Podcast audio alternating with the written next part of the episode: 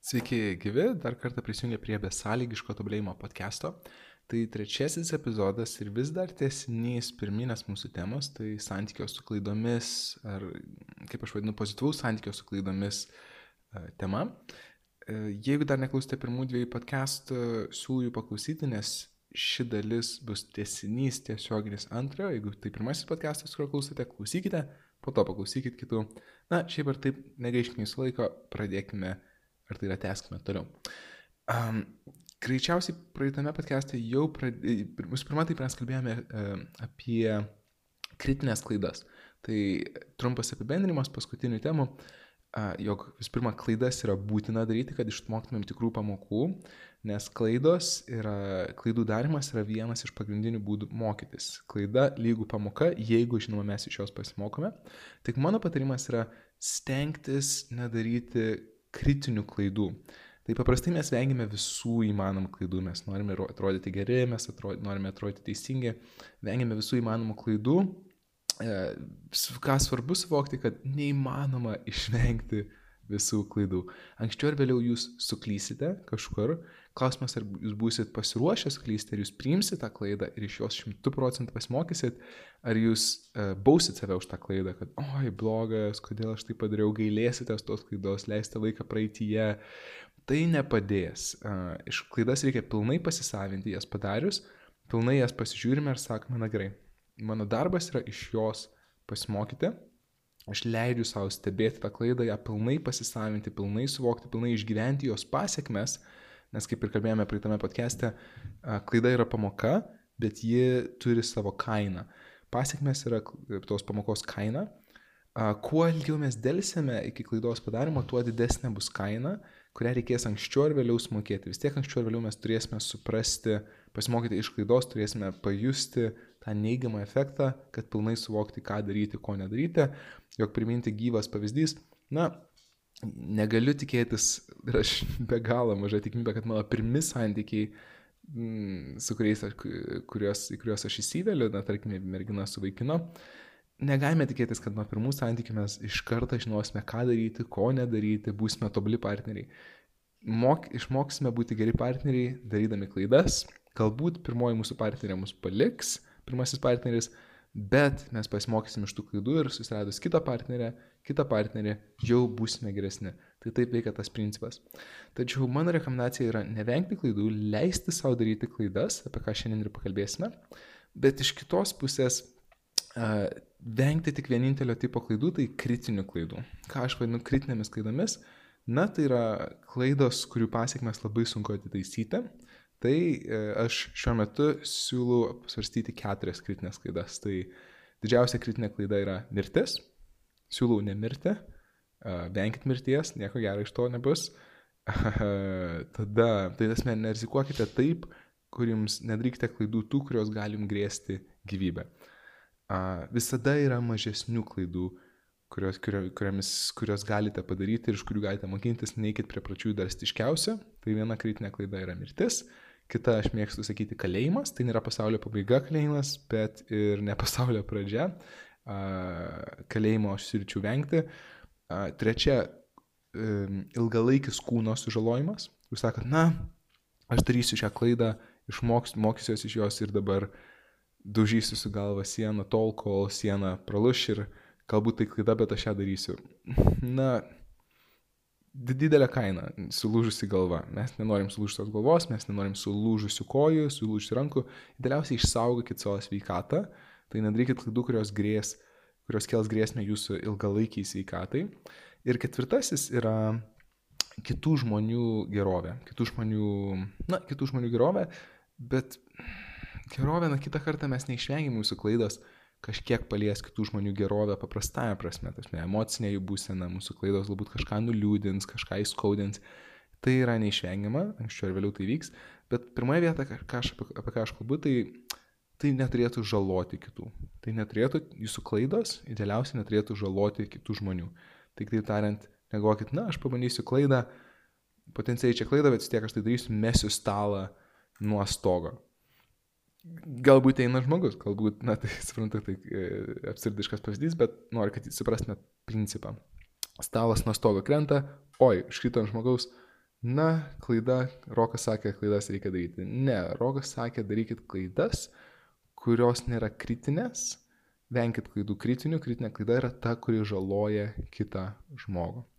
Bet jeigu šitų keturių principų nėra, negresia mirtis, negresia kalėjimas, nežalojate kitų ir nėra ilgalaikės kūnui e, žalos, yra daugybė klaidų, kurias jūs galite daryti aparčių, klaidų kaip pasirodyti kvailai, sugaišti kažkur laiką, apsijuokti. Tiesiog e, tai yra vienas iš pagrindinių mūsų baimių, a, tai būtent mūsų imidžo sugėdimas, prarasti kažkieno pasitikėjimą, prarasti finansinę bazę. Tai, tai ne pasaulio pabaiga. Da jūs išgyvensite, iš to jūs pasimokysite. Tas klaidas verta daryti, leisti savo potencialiai suklysti, venkite tik tais kritinių tų klaidų. Bet žingsniuojant toliau nuo šito patarimo, dar vienas patarimas labai vertingas, kuris paraleliai pritaikomas įvairiose srityse ir jis sekančiose podcastuose vis pasikartos, tai 10 procentų principas. Tai šis principas, kada jūs darote klaidas, kaip vat, apsisaugoti nuo tų kritinių klaidų, kaip, kaip leisti savo mokytis iš klaidų po truputį, kad kad tiesiog morališkai savęs nesužalotumėt, nesužlugdytumėt. Nes, matot, mes visi turime tam tikrą psichologinę ribą, kur padarius per daug klaidų, per daug gavus neigiamų pasiekmių, gali būti psichologiškai sunku tą atlaikyti, mes galime palūšti.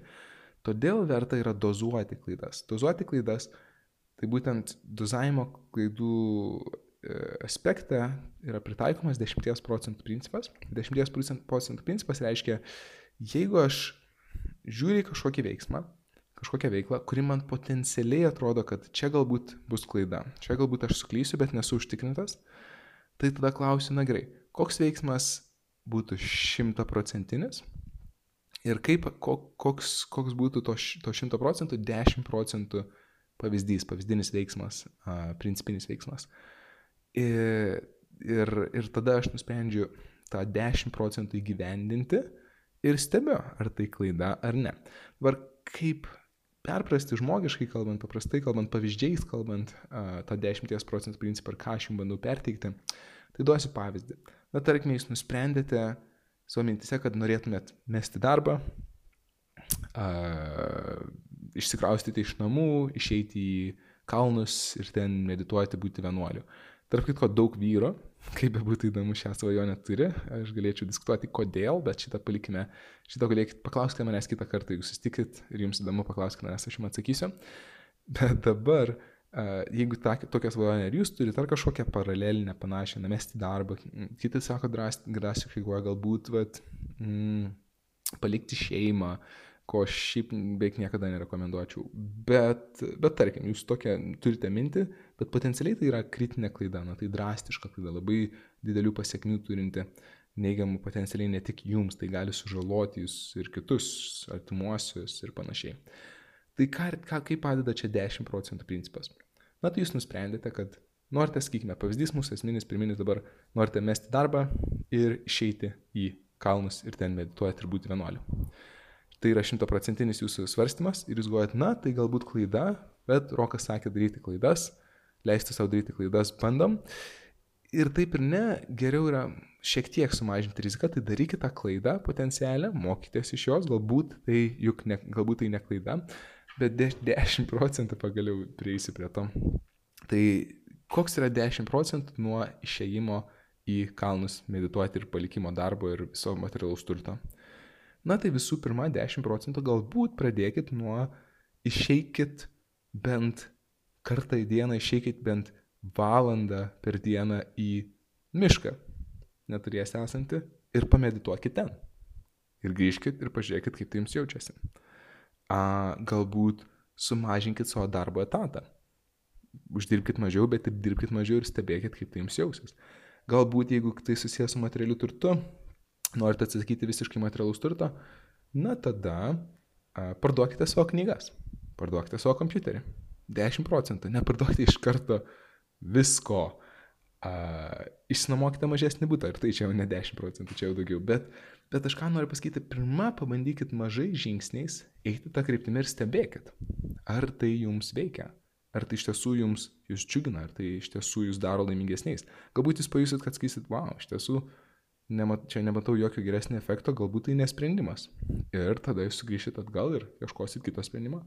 O galbūt jūs pasijusit, wow, aš jį jaučiuosi geriau be kompiuterio, be knygų, aš jį jaučiuosi geriau medituodamas valandą į dieną miške, tai tada pridėkit dar 10 procentų. Pradėkit medituoti 2 valandas miške, išeikit, nežinau, į kažkokį prie kažkokio kalno, iš, išskriskit galiausiai tas 10 procentų įsauga, išskriskit savaitį atostogų į kalnus, pamedituokit, parduokit didžiąją dalį savo turto ir stebėkit, ar viskas gerai, ir jeigu viskas gerai, galiausiai jūs prieisit prie to 100 procentų, bet prieisit užtikrintai, per daug nerizikuodami. O jeigu padarysit klaidą ar pamatysit nieko gero iš to, na ką, būsit praradę knygas, būsit praradę kompiuterį, lengviau pataisoma nei kad išėjote į kalnus ir supratot, o velnis, nevertėjo to daryti, o dabar visiems reikia aiškintis ir taisytis.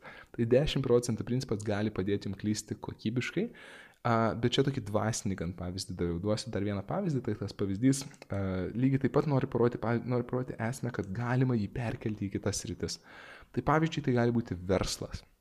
Jūs galvojate apie verslą, metu darbą ir pradedu verslą, dabar pradėsiu verslą ir galbūt tai klaida, bet rokas liepia klysti, Rokas liepia protingai klysti. tai reiškia 10 procentų principas. Na gerai, jeigu aš svarstau mesti darbą ir pradėti savo naują verslą, pradžiai, vis žinoma, kartais reikia daryti tą drastišką žingsnį, viską mesti, bet, bet tai rizikinga, tai yra sudėtinga, pavojinga. Uh, 10 procentų principas, kur gali jums padėti sklandžiau tą padaryti. Na gerai, vėlgi, sumažinam darbo etatą, ir pradedam 10, 10 procentų, pradedam kažkokį savo verslą. Tarkim, aš noriu internete pardavinėti, na gerai, tarsi aš noriu, tarkim, aš noriu daryti koinių parduotuvę. Taip, puikiai mintis, jėga. ir pradžiai aš tiesiog savo draugam pradedu pardavinėti koinės. Ir žiūriu, kaip man tai sekasi, ar man tai patinka, ar jie perka. Žiūriu, gerai sekasi, pradedu uždirbti pinigų, dar mažiau, dar labiau sumažinu savo darbo etatą, dar mažiau investuoju dabartinį esamą darbą, atidarau internetinę parduotuvę. Jei gerai sekasi, na gerai, tada visiškai palieku darbą, atidarau parduotuvę. Bet aš jau prie to 10 procentų patrupti. Jeigu jūs pradėsit tą 10 procentų pardavinėsit savo koinas draugam ir pamatysit, kad visiškai nesiseka, niekam neįdomu, sunkiai sekasi, arba jūs nuspręsit, kad vis tiek verta bandyti ir judėsit toliau, apie ką tai pakalbėsime, Arba suprasit, kad, wow, galbūt tai nebuvo mm, tai, ko aš norėjau. Na tai nesakau, kad identiškai kartokit tą, ką aš sakau, bandau perteikti jums principą, kurį noriu, kad pamandytumėt. Man jis be galo padeda. Man jis be galo padeda uh, priimant drastiškus ypač sprendimus, inovacijas kūrent. Ir apie tą, prie to 10 procentų principą būtinai sugrįžime, ypač kada kalbėsime, bus podcast'o serija apie pokyčius, kaip sėkmingai gyveninti pokyčius, kaip jų siekti. Sugrįšime prie to, bet pradžiai, darant klaidas, prieš darant jas ypač drastiškas klaidas potencialiai, paprisminkit 10 procentų principą. Na ir kągi, kągi mes čia dar turime, dar turime uh, principą, uh, tokį raktinį suvokimą apie klaidas, jog kas atrodo klaida dabar, gali būti sėkmė po to. Tai pradėkime nuo istorijos. Istorija padės pertikti mintį, Tai arklio ir sunaus istorija. Ji ganėtinai žinoma, galbūt esate girdėję, bet tai viena iš tų istorijų, kurią verta daug, dar ir dar daug kartų išgirsti. Na tai tėvas nuperka arklį sūnui, e, tas sūnus visą gyvenimą norėjo arklio ir vos nupirko, sūnus pradėjo jodinėti su arkliu ir jodinėja dieną, naktį, pastoja jodinėja, jodinėja, džiaugiasi, laimingas, patenkintas. Ir tėvas žiūri į tą savo vaiką, sūnų jodinėjant ir galvoja, Kaip gerai, kad aš tą arklį nupirkau, nupirkau. Toks laimingas vaikas. Geriausias tas ir to arklio nupirkimas, geriausias dalykas, kurį kada nors gyvenime padariau. Ta diena, kai nupirkau arklį, yra geriausia diena mano gyvenime. Ir tada, vieną dieną, bejodėdamas sunus parkrenta su arkliu, arklys pri, e, prispaudžia kojas sunaus ir jas visiškai sulaužo. Taip, kad sunus paralyžiuotas, nebegali visą gyvenimą likusi vaikščioti. Ir tėvas žiūri į savo sūnų, nebevaikštant ir galvoja, Prakeik tą dieną, kai nupirko arklį, tai blogiausia mano gyvenimo diena. Tada, po kelių, po, po kelių metų, ateina karas, visus jaunus žmonės ima į tą karą, kur greičiausiai jie niekada negrįž, greičiausiai jie mirs, bet to tėvo sunaus neima, kadangi jis paralyžiuotas. Ir tėvas prisimena tą dieną, kai nupirko, nupirko arklį, galvoja, kai nupirkau arklį, tai geriausia mano gyvenimo diena. tai va, manau, supratote principą.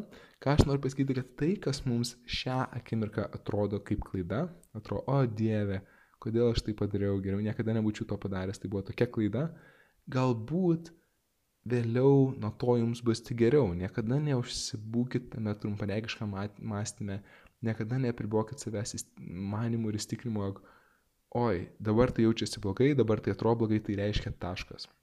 Ne, kartais klaidos, nesėkmės iš tiesų mus e, paveikia teigiamiau ilgal, ilgalaikę prasme nei atvirkščiai. Tai yra svarbu suprasti, kad klaidos šiai akimirkai gali būti iš tiesų sėkmės ilgalaikę prasme. Ir kad tą įrodyčiau, aš duosiu jums keletą porą, bent porą gyvų istorijų.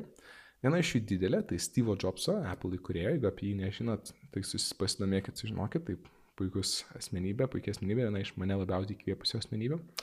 Bet e, analizuojant Steve Jobso biografiją, vienas a, žurnalistas, kai analizavo ją, jis išsireiškė taip. A, tai vis pirma, trumpa priešistorė, Steve Jobsas įkūrė Apple viena sėkmingiausių pasaulio kompanijų, e, įsikūrė ganėtinai anksti, e, jei neklystu, apie 25-27 metus buvo ir po kelių metų Jobsą atleido iš šio pačio kompanijos, iš Apple, iš kompanijos, kurią jis sukūrė. Tiesiog visiškai atleido. Istorija ilga, kodėl jis ten pats prisidirbo, bet čia nepasakosiu to. Bet, bet esmė, kad tą akimirką, kaip manot, kaip jautėsi Steve'as Jobsas, žmogus sukūręs sėkmingą kompaniją, iš kurios jį patį išmetė greičiausiai jis prakeikė tą dieną ir pagalvoja, o Dieve, tai praščiausia diena mano gyvenime. Bet, kaip tas žurnalistas, apie kurį aš įsiminiau, analizuodamas Jobso istoriją, kaip jis pasakė, sako, žiūrint atgal į Jobso istoriją, ta diena, kai Jobs atleido iš Apple, buvo geriausia jo gyvenime. Kodėl? Nes praėjus 10-20 metų mes stebim jo istoriją atgal ir suvokiam, kad kai Jobs atleido iš Apple, jis pradėjo kurti sekančią kompaniją, vadinamą Next. Ir ta kompanija Next po septynių metų jį bankrutavo, tarp kitko, jos nepavyko sukurti, bet po septynių metų, po septynių metų Apple kompanija jį bankrutavo, be Jobso jį visiškai nusivažiavo, jau buvo beveik, beveik sugriuvusi ir Apple darbuotojai, Apple vadovai, jie sakoja, žinot ką, reikia mums vėl prisikviesti Steve Jobs atgal, galbūt jis išgelbės kompaniją. Jie taip ir padarė, susigražino Steve Jobsą ir jis padarė iš Apple, iš, iš bankrutuojančios e, kompanijos per keletą metų įsukūrė, per seriją metų įsukūrė pačią pelningiausią kompaniją pasaulyje. Bet kur čia yra paslėpta, paslėpta mintis? Kaip tas žurnalistas analizavo Jobs istoriją, jis patikė tokią labai konkrečią ir stiprią mintį, kad jeigu Jobsas nebūtų iš, buvęs išmestas iš, tos, e, iš Apple kompanijos savo jaunystėje, jeigu jis nebūtų kūręs Next kompanijos, sekančios kompanijos, jis nebūtų išmokęs visų tų be galo svarbių pamokų, kurias jis po to grįžęs į Apple, jis jas pritaikė ir dėl to jis tą kompaniją išgelbėjo. Kitaip tariant, tai, kad jis buvo išmestas iš pačios savo kompanijos, tai jam davė įgūdžių, žinių, patirčių, kurios buvo neįkainojamas ir tik, jau, tik jų dėka jis sugebėjo Apple vėliau paversti pačią sėkmingiausią pasaulyje.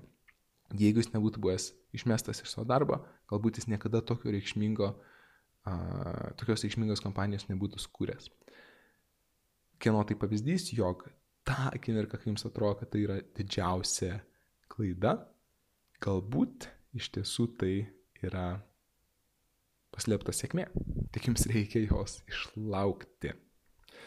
Sekanti istorija, šią istoriją, tarp kitko, visai nesenai perskaičiau, sužinojau knygoje vadinamoje uh, The Gift of Fear, angliškai išvertus Baimės dovana, puikiai nereali knyga. Gevinas Debekeris ją parašė, apie ją pasakosiu podcast'e, kuriame kalbėsime apie savigną, apie savigną ir savisaugą. Anksčiau ir vėliau apie tai pakalbėsime, nes tai svarbus elementas, viena iš mano pagrindinių šiuo metu gyvenimo sričių.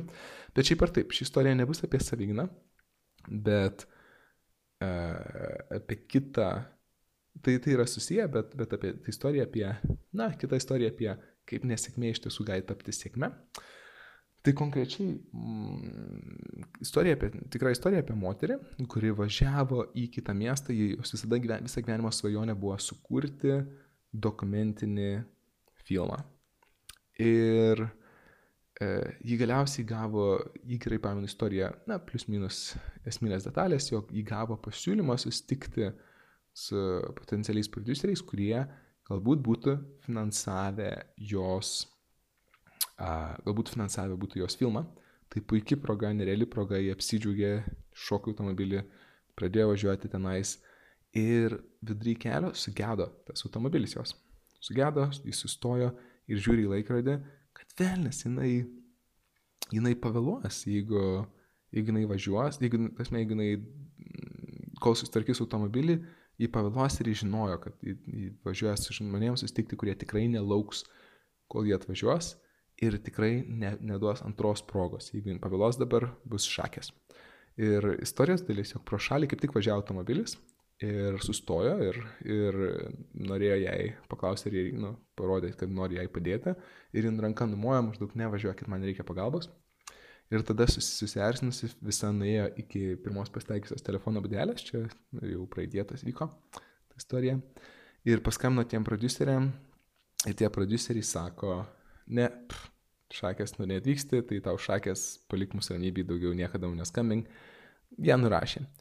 Ir jį visiškai puolė į, į, į kaip čia, na, didžiulis, didžiulį liūdėsi, kad ką aš čia padariau, kodėl man taip. Ir žinoma, jie pasirodė, kad tai didžiausia klaida, kad jį tenais nenuvyko. Ir jį eidama link, link e, telefono būdelės, jį net nepastebėjo, kad ta mašina, kuri e, siūlėsi padėti, visą laiką ją sekė. Ir jis sekė ją ir galiausiai sustojo prie tos telefono apdelės ir vos išėjo, iš automobilio išlipo moteris, atėjo prie jos ir sako, čia tu? Ir pasirodo,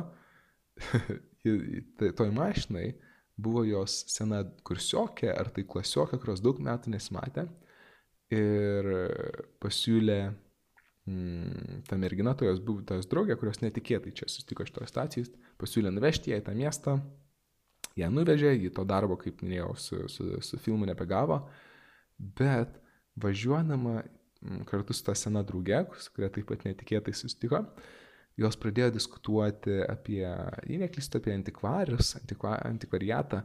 Ir galiausiai iš to susitikimo kilo idėja, kad joms reikėtų daryti savo antikvariato verslą. Ir jos taip ir padarė, jos sukūrė bendrą verslą. Ir galiausiai labai sėkminga, daug pinigų užsidirbo ir iki tiek, kad ji galiausiai gavo tiek finansų iš to antikvariato verslo, kad ir sukūrė to pasiekoje savo dokumentinį filmą, naudojantis savo finansais. Nebereikėjo kitų producerių, sponsorių. Tai vėlgi, ką šitą istoriją atspindi? Tai kad tada, mums atrodo, nu čia blogiausia, kas galėjo nutikti, tikrai man čia nepasisekė, kad tai iš tiesų gali būti paslėptas aukso luitas, kad iš jo reikia, tiesiog reikia išlaukti kartais ir pamatyti, kad o, mano to tik tais geriau. Ir tiesiog tą akimirką, kai įvyksta, kai dar mūsų atrodo pasaulio pabaiga, nepasiduoti, nesustoti, tikėti, kad galbūt aš čia išmoksiu kažką, ko man reikia, galbūt atsvers galimybę, kuri kitaip nebūtų atsvėrusi ir mano gyvenimas nuo to bus tik geresnis, todėl juo labiau aš turiu atsverti šiai klaidai, ją priimti, pilnai išgyventi, pilnai iš jos pasimokyti ir judėti į priekį. Tai labai puikia pamoka, labai svarbi istorija ir apibendrinimui tikinys toks. Mes niekada nežinome, kas mus iš tiesų, mes niekada nežinome, kas mus iš tiesų geriausia. Tad verta priimti nesėkmes ir leisti joms mus formuoti vienai per kitaip. Eilinį kartą aš save stebinu. Žiūriu, kad jau faktiškai praėjo pusvalandis. Ir nusprendžiau, kad e, šį podcastą visgi baigsime čia ir dabar. Dar liko a, trys temos apie klaidas, kurias dar pristatysiu. Galbūt jums jau šiek tiek įgryso šitą temą. Na gerai, apsigalvau. Likit dar čia. Na gerai, uh, užbaikime vis dėlto šitą temą, kad jums nebereikėtų vėl klausyti. Aš jau galvoju, kad reikia baigti, bet na, užbaigsiu. Uh, sutrumpinama šitas tris temas, kad sekančiame podcast'e galėtumėm judėti į sekančias temas. Tai po truputį apibendrinant, atsižvelgiant į visą tai, ką sakiau, yra svarbu leisti savo klysti. Jeigu mes neleidžiam savo klysti, besąlygiškai vengiam klaidų, kai tos klaidos vyks, o jos pat kiek manim anksčiau ir vėliau jūs suklysite, kai tos klaidos vyks, jeigu jūs jų paniškai vengsite, vis pirma, jūs nepripažinsite tos klaidos, neleisite savo ją pasižiūrėti, neleisite savo jos pilnai priimti, iš jos nepasimokysit ir ji vėl pas jūs pasikartos. Klaidos yra pamokos, iš kurių jeigu mes nepasimokome, jos kartosis ir kartosis. Čia kaip pavyzdys moterys, kurios vėl ir vėl susideda su smurtaujančiais vyrais. Jos nepasimoko iš tos klaidos. Arba vyrai, na paimkim kitą pavyzdį, vyrai, kurie pastoji susideda su moterimi, kurie, kurie juos išnaudoja, kuri negerbė jų, kuri, na, kuri tikrai nėra gera moteris. Yra serija vyrų, kurie pastoviai vis e, sustinka, susideda su naujam partneriam, kurios tokios pat. Tai esmė yra, kad mes klaidas mes turime, mes turime būti atviri klaidom, leisti savo klysti, pilnai jas išgyventi, pilnai išgyventi pasiekmes, iš jų pasimokyti ir judėti toliau. Bet svarbu svarbiausia yra leiskite savo klysti, nevenkite paniškai klaidų, išdrįskite surizikuoti, nes kartais klaidos iš tiesų yra pergalės, mes tik to nežinome iš anksto. Ir prieš paskutinis punktas, aš linkęs, aš mėgstu sakyti, jog didžiausia klaida ne tai, kad mes padarome klaidą, o tai, kad sustojame ją padarę. Kaip tai atrodo? Dariau, dariau, dariau kažką ir nesigavo kažkas ir, oi, blogas, blogas, kodėl aš save mušti, panikuoti, o jeigu būčiau pradedu galvoti, o kas, o kas būtų buvo, jeigu aš būčiau kitaip pasielgęs, o jeigu būčiau padaręs kažką taip. Ir esmė, kad mes sustojame, nesimokame iš tos klaidos ir neleidžiame jos paversti savo sėkme, neleidžiame nuo jos atsispirti. Tai yra didžiulė klaida - sustoti padarius klaidą. Tada taip, tada tai tampa klaida, viskas darosi tik blogiau, didesnė, blogės, didėja dides, didesnės blogos pasiekmes. Svarbu yra nesustoti. Ir tą apibūdina labai kokybiškai tokia klasikinė istorija, kuri aš tik tais prieš metus ar du metus žinau, jog tai tikra istorija. Tik jie pasakoja įvairiai, kartais šiek tiek sulegendintai, sumitiš, sumiti, sumitiškintai, kartais jie pasakoja, retai jie pasakoja realistiškai, bet tai tikra istorija. Tai ta istorija apie, yra apie žmogų, kuris nusprendė užsimti aukso kasimu. Jis nusipirko visą įrangą, nusipirko žemės plotą ir pradėjo kasti auksą. Ir koti aukso pradėjo kasti žemę. Ir bekasant, jisai kasė, kasė, kasė ir rado aukso gyslą ir apsidžiaugė, jas, aš būsiu turtingas, jėga.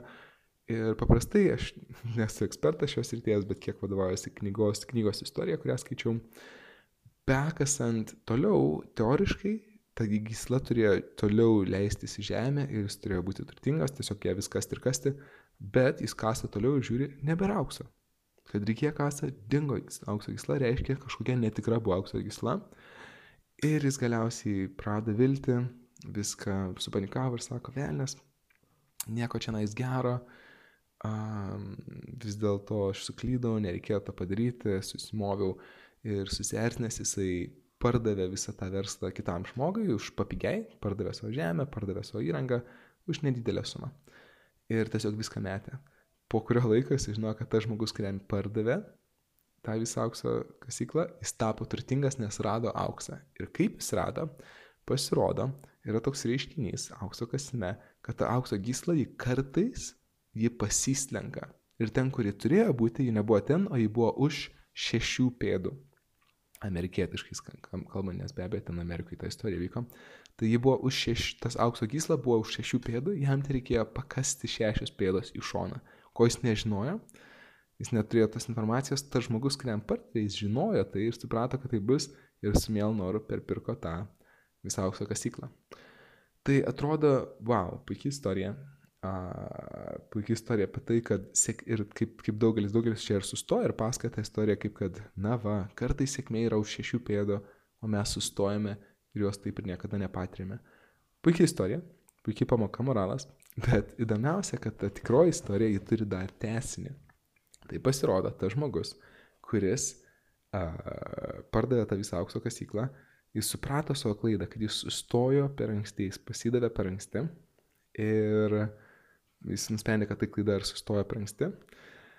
Ir galiausiai jis nusprendė, kad nuo šiol gyvenime jis niekada nesustos veltui, jis nesustos tik todėl, kad. Ir e, jis nesustos, kai jam nesigaus. Ir jis tada pradėjo dirbti draudimo versle, čia jau senai, tarp kitko, turbūt prieš 50-60 metų ši istorija na, vyko. Ir jis pradėjo taip dirbti draudimo versle ir, ir jis tapo super sėkmingas.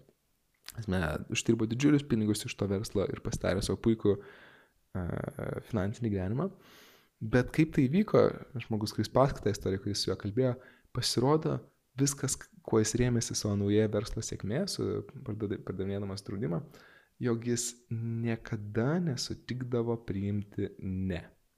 Tas mes jisai nusprendė, kad daugiau jis niekada nesustos, kad ir kas gausis, jis vis tiek judės į priekį ir tas jo požiūrio kampas padėjo jam suskurti didžiulę sėkmę um, draudimo versle.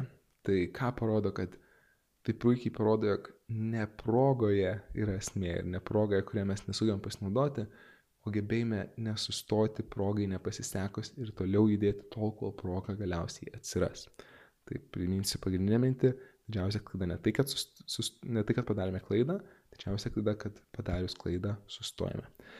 Ir paskutinė istorija šios serijos, kad puikiai galutinai užbriežti šitą principą, yra Silvestro Stalonės istorija. Vėlgi tikra istorija, puikia istorija, mėgstu dažnai pasakoti. Tai Silvestras Stalonė, jis turbūt visiems žinomas aktorius, geriausias jo žinomiausias vaidmuo yra Rokis Balbo. Tai jūs pirmą turbūt nežinojate, jeigu nesate girdėję šios istorijos, turbūt nežinojate, kad Rocky Balbo scenarijų filmai parašė Silvestras Stalonė patsai. Klausimas yra įdomus, kaip tai įvyko. Tai pasirodo, Silvestras Stalonė visą gyvenimą svajojo būti aktorium, bet pradėkime nuo to, kad jo pusė veido buvo paralyžiuota. Tai dėl ko jisai, Adrian, reikia ten taip sunkiai per tą filmą Rocky Balbom. Tai pusė veido paralyžiuota, reiškia nelabai patrauklus kaip aktorius. Ir kad ir kaip jis ieškojo aktoriaus vaidmens, jam niekaip nesigavo. Vienintelis vaidmo, kurį jis gavo, tai vyruko, kurį sumuša kiti ten penki ar septyni vyrukai. Tai Bet jis vis tiek nepasidavė, jis vis tiek siekia tos svajonės ir, ir taip siekia, kad jau pradėjo bankrutuoti, pradėjo jam verslas strikti, pradėjo na, finansai strikti ir jam taip blogai buvo su pinigais, kad jis net pardavė prie parduotuvės, stovėjo ir radęs žmogų, kuris nupirks, pardavė savo šunį, kurį labai mylėjo ir verkė visą naktį, nes, na, žinot, šunį gaila parduoti. Tai jam buvo taip blogai. Ir galiausiai jis jau visiškai nusivažiavęs, visiškai be finansų, sėdėjo savo kambarį ir stebėjo ir žiūrėjo televizorių, kur buvo rodoma legend, nu, legendinio kovotojo boksininko visų laikų geriausio Muhamedo Ali kova. Ir jis stebėjo, kaip Muhamedas Ali mušėsi su, kit, kovojo su kitu žmogumi, kuris buvo baltodis. Ir tam baltodžiai sunkiai sekėsi. Tas jam, nu, faktiškai visiškai nesisekė. Jis akivaizdu buvo, kad gavo, gavo pilos, gavo malkų, liaudiškai tariant, jam visiškai nes nepavyko kovoti. Bet kas sužavėjo ir užkabino Silvestras Noja sakė, kad tas baltonis, nepaisant to, kiek į kartų sumuždavo, sudaužydavo, kiek jis krisdo, jis vis tiek vėl stodavosi ir toliau kovodavo. Kas buvo visiškai nelogiška, neracionalu, na kam? Taigi akivaizdu, kad jis nelaimės, bet jis vis tiek nepasiduoda.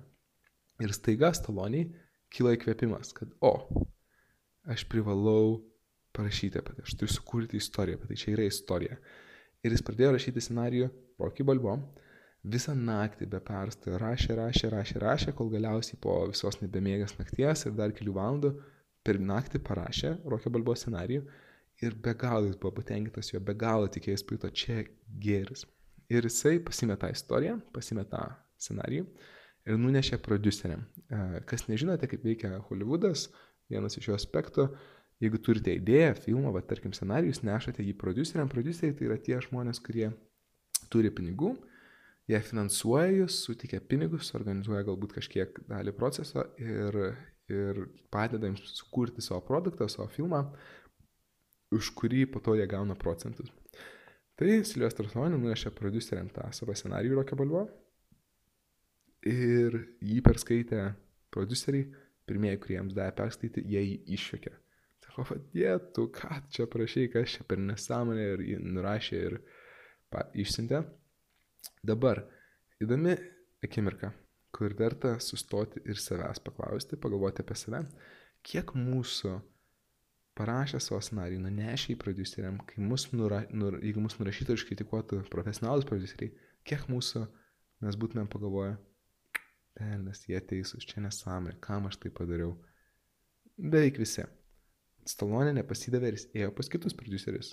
Antrieji jį vėl nurašė, jis ėjo pas kitus, tretieji jį vėl nurašė. Tai čia istorijos akimirka, kur aš mėgstu sustoti ir paklausti visų, o tai kaip, kiek iš mūsų būtų jau po trečio karto pasidavę? Kiek, kiek iš mūsų būtų, nu, po pirmo sakė, na gal, ne, ne, čia viskas bus gerai, po antro, na vis tiek kažkosiu po trečio, a, jeigu trys produceriai nesutiko, tai užšakės. E, Silvestras Stalonė ėjo pas dešimt skirtingų producerių. Jis taip tikėjo tuo scenarijum, kad jis vis tiek nepasydavo, nors visi nurašė, kol galiausiai 11 pasakė, wow, čia yra bomba, čia yra jėga, čia yra tai, kas pakeis filmo industriją, čia yra puikus filmas. Ir atrodo jau jas, yes, Stalonė pagaliau rado producerius, kurie sutiko finansuoti filmą, bet Stalonė, būdamas toks, koks buvo, sako, ok, viskas gerai, tai ačiū, kad nu, priimat mano scenarijų, bet yra viena sąlyga, e, be kurios aš nesutiksiu jums parduoti scenarijus. Tai įsivaizduokit. Dešimt producerių nesutiko jo finansuoti, jis galiausiai rado vienuoliktas, kurie sutiko ir jis jiems sako, ne, ne, aš turiu dar savo sąlygą. Na, sako produceriai, gerai, sakyk. Jis atsisko jos ir sako, aš turiu būti Rokis Balbau. Ir jie, kaip tai? Kaip tai aš, kaip tai tu? Prie ko čia tu? Sako, taip, aš esu Rokis. Aš turiu vaidinti Rokį. Rokį Balbo filme. Ir jie panikavo, tie prastai, tai kaip, tu sako, taigi tu nežinomas aktorius, niekas tavęs nežino, sako, tu pažiūrėkit, tai tu sako, taigi nepatrauklus, niekas neįs tave žiūrėti. Jau buvo numatę kažkokį gražuoliuką vaidinti Rokį Balbo. Ir sako, Rok, ir sako Stalonė, sako, na tai gerai, sako, ne, tai ne, aš išeinu. Ir jis išėjo. Tai įsivaizduokit. 11 produceriai, 11 sutiko, jis sako, mano sąlygos arba niekur aš išeinu. Tai kiek reikia drąsos, kiek reikia tikėjimo, kokie, koks potencialas didelis, kad tai klaida. Ir galiausiai po kurio laiko Staloniai paskambina tie produceriai ir sako, žinai ką, nu gerai, mes sutinkam, tai finansuot, sutinkam, tu vaidinsi rokį, bet su viena sąlyga, kad jeigu tu susimausi, kad jeigu filmas nesuveiks, tu būsi kaltas ir tu prisimsi kaltę. Stalonas sako, gerai. Vuolia, šiai dienai aš jums pasakoju šią istoriją Rokis Balbo vienas iš žymiausių, įkvepiančiausių kino industrijos filmų. Silvestras Stonė tapo žvaigždė dėl to filmo. Bet tai nenutiko už dyką, tai nenutiko netyčia. Ir labai trumpa istorijos dalis, kurią aš mėgstu taip pat paminėti, a, tai ta šuns dalis, aš prisimenu apie šunį, kurią jis pardavė, tai jis taip norėjo tą šunį atgauti, kad jis ėjo prie tos parduotuvės ir nuo pat ryto iki nakties stovėjo prie tos parduotuvės, kol galiausiai tikėjosi, kad ateis tas žmogus su tuo pačiu šunim, kurį pardavė ir atėjo.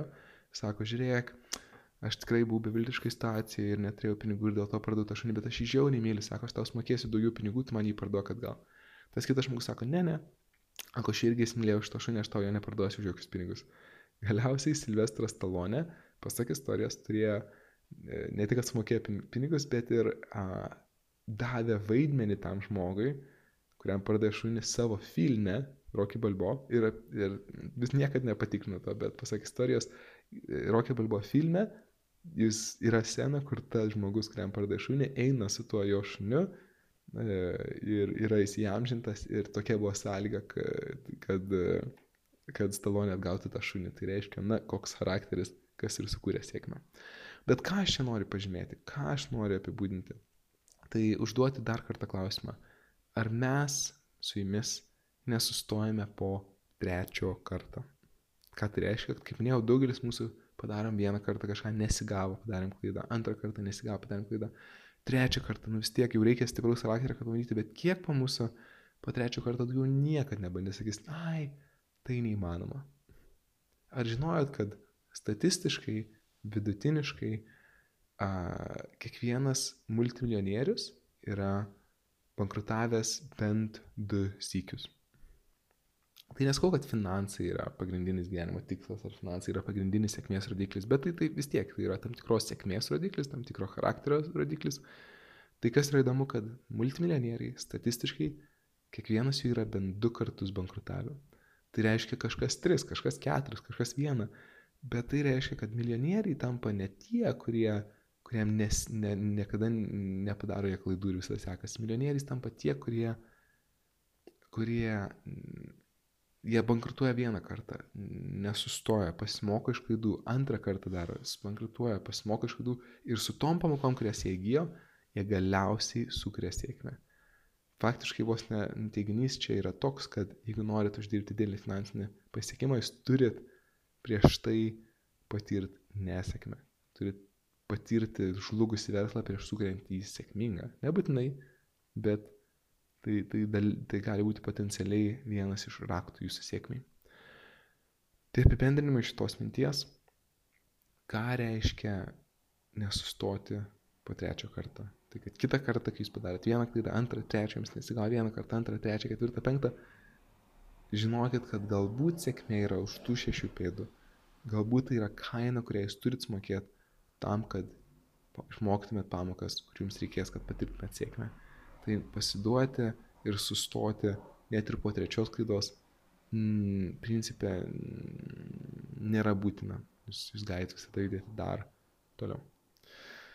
Na ir kągi, pagaliau atėjome į pabaigą šito podcast'o, šitos temos, prieš perinant prie, kita, prie kitos temos, kitame, kitoje serijoje. Tai trumpai apibendrinsiu visas temas labai, labai greitai. Tiesiog užsiminsiu.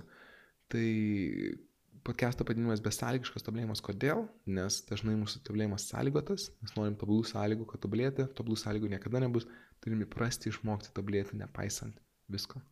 Kuo skiriasi daug pasiekę žmonių nuo mažai žmonių pasiekusių, daug pasiekę žmonių, jie e, daro kažką ne tik kada jiems malonu, patogu, ne tik tada, kada jie motivuoti, jie daro tai visada nepaisant visų sąlygų. Tokie yra tie sėkmingi žmonės ir jūs toks taip pat galite būti. Mes visi norime gyventi geresnį gyvenimą, tai yra universali savybė, mes visi norime geresnio, geresnės kokybės. Um, ir uh, na, ši, apie mane tai jau nebepasakosiu antrą kartą. Uh, kokia didžiausia klaida? Viena iš didžiausių klaidų yra bijoti daryti klaidas. Nes jeigu bijom daryti klaidas, vengiam klaidų, neišmokstam pamokų, klaidos yra pamokas, tai klausimas yra, ar mes pilnai tą suvokiam ir mes tik teoriškai tą žinom, svarbu yra suprasti, suvokti giliai, kaip kad vaikas, kuris, jeigu ne, vaikas, kuris mokosi vaikščioti, vis nukrenta, krenta, jam skauda, jis vis tiek stojasi, vis tiek mokinasi, vaiko suvokimas, kad privaloma klysti, kad išmokti, jis, jis yra besąlygiškas.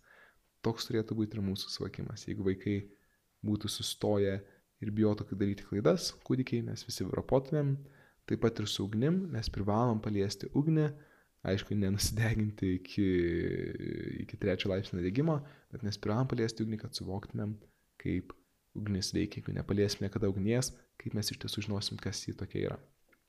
Um, tai kodėl mes bijome klaidų, tai mes vengiame diskomfortą, mes nemėgstame jaustis nemaloniai, nors dažniausiai sėkmė yra už diskomfortą. Pradžiai yra nemalonu, bet ilgainiui būna gerai, tai, kas jaučiasi malonu dabar, dažnai bus ne tai, kas jausis gerai po to. Tai yra trumparegiškumo problema, mes turime matyti ilgalaikę e, perspektyvą. Mm, ar tai iš tiesų klaida, sužinosime tik tada, kada tai padarysime, nes daug kas įsivaizduojam ir galvojam, čia tai tikrai klaida, čia tai tikrai klaida, čia tai tikrai bus blogai, tol kol nepadarė to, tikrai niekada nežinosit. Todėl reikia leisti savo pabandyti ir suklysti. Man asmeniškai vieni geriausių dalykų, kuriuos gyvenime padariau, yra tie, kurių bijojau. Baime simbolizuoja tikrus pokyčius, kažką naujo, tai dažniausiai tikri pokyčiai ir veda prie puikių dalykų. Vienos sėkmės receptas lygus šimtui klaidų. Norite, uh, norite greičiau pasiekti sėkmę, leiskit savo greičiau ir dažniau klysti. Kuo ilgiau dėlsite, tuo bus didesnė kaina, tuo bus lėtesnė pamoka, klyskit dažniau ir greičiau. Stenkitės, jog kainos dydis, e, kad klaidos kaina nebūtų drastiška, kritinė. Pradėkit nuo 10 procentų klaidų. Klyskit po truputį, mažai žingsniai, bet klyskit, leiskit savo klysti. Prisiminkit, kad kas dabar atrodo klaida galbūt gali būti po to sėkmė, todėl leiskit savo klysti ir jokių būdų nesustokit. Tai antroji didžiausia klaida yra ne tai, kad mes padarėme klaidą, o tai, kad mes sustojame ją padarę. Padarėt klaidą, išmokit iš jos, pasimokit iš jos, judėkit toliau, nesustokit, mokytės, judėkit į priekį ir jeigu nesustosit po trečio karto, jums sėkmė garantuota. Gana, užtek jau tiek kalbėti, jau burna išdžiuvo. Pakalbėsim sekančiam podcast'e. Jeigu turit klausimų, rašykit man į Facebooką, galite su manim susisiekti. Rokas Leonaričius, galite rašyti į mano e-mailą info.rokasleo.com, mano tarptautinis kontaktas. Ir voilà, susitiksim kitose podcast'ose. Iki.